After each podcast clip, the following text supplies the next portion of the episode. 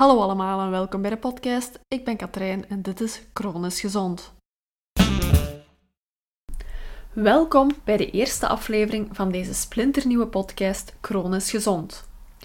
Met deze podcast ga ik iedereen met een chronische aandoening ervan proberen te overtuigen dat een gezonde levensstijl de moeite waard is, want dat is het ook.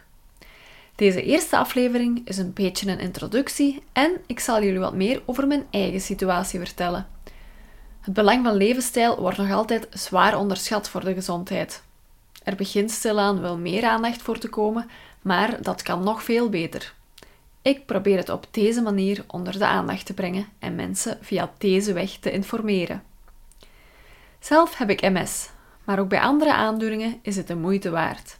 Diabetes, hart- en vaatziekten, reuma, depressie, kanker, de lijst is eindeloos. Maar tussen ons gezegd en gezwegen, ook mensen die nog niks mankeren, hebben er zeker baat bij. Om het allemaal direct goed te doen, moet je je hele leven omgooien.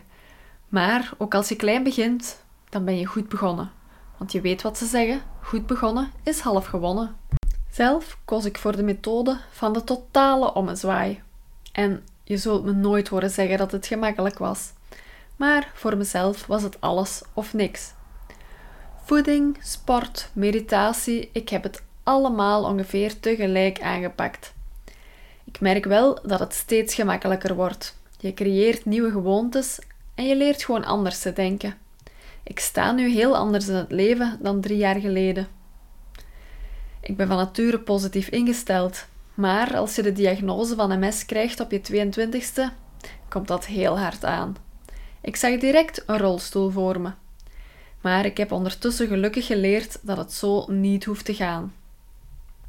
Ik probeerde door de jaren heen ook verschillende medicaties. Bij sommige waren de bijwerkingen zelfs erger dan de MS zelf. Nu heb ik gelukkig medicatie waar ik geen bijwerkingen van ondervind en ze werkt nog beter ook.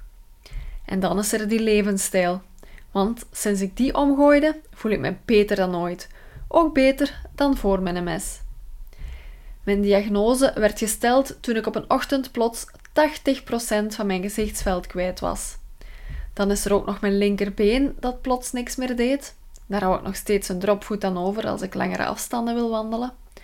Er is ook een periode geweest dat ik niets anders gedaan kreeg dan eten, gaan werken en slapen. Ik kwam thuis van mijn werk om 6 uur, dan moest ik nog beginnen koken en om 8 uur lag ik ten laatste terug in mijn bed. Ik was altijd zo moe. Dan ben ik part-time gaan werken omdat ik dan toch een beetje een leven kon hebben. Mijn blaas is aangetast, waardoor ik soms heel snel een toilet nodig heb. Accidentjes gebeuren nu eenmaal. En zo zijn er nog wel een paar opstoten geweest.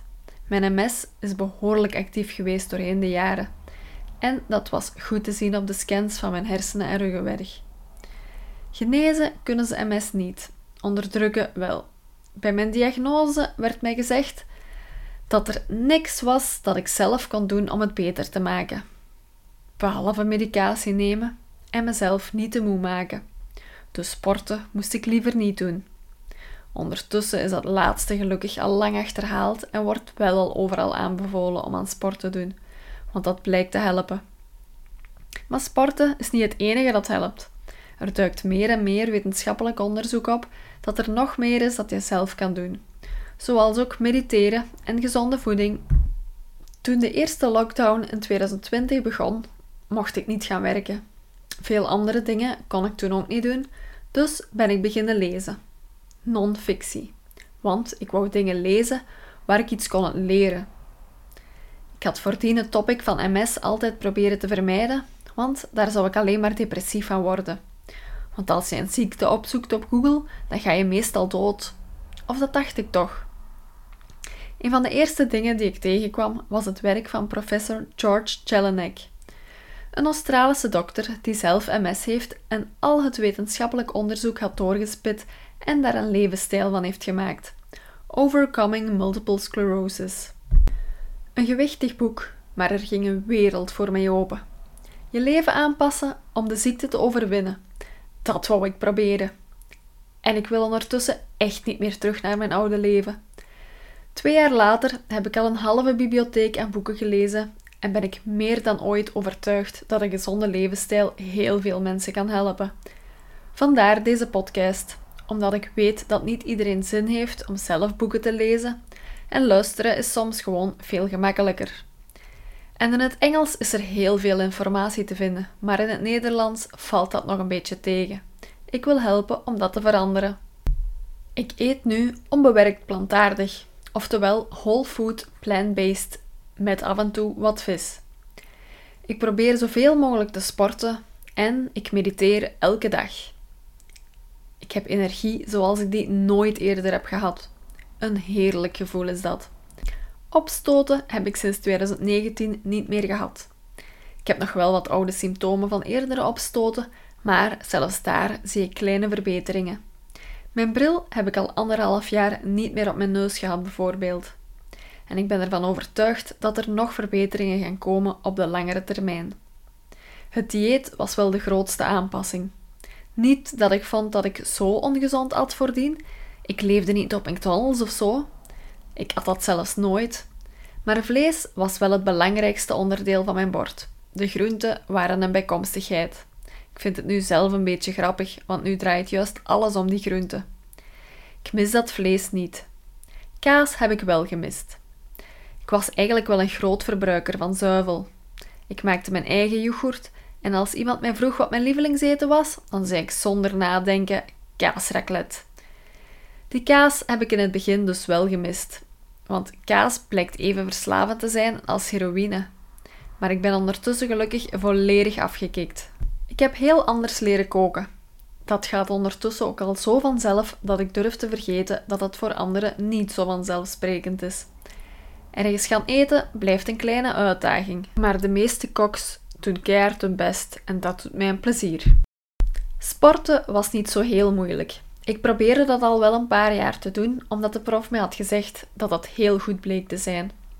Ik heb enkele jaren geprobeerd om te joggen, om van mijn dropvoet af te geraken, maar dat is nog steeds niet gelukt. Ik ben nooit verder dan 5 kilometer geraakt en die ene keer dat ik wel 5 kilometer had gelopen, ben ik 20 meter verder toch nog op mijn gezicht gevallen. Ik deed drie keer mee aan de 4 kilometer stratenloop hier in de Senderlo en ik eindigde altijd bij de laatste drie, al strompelend over de finishlijn. Maar ik liep het uit.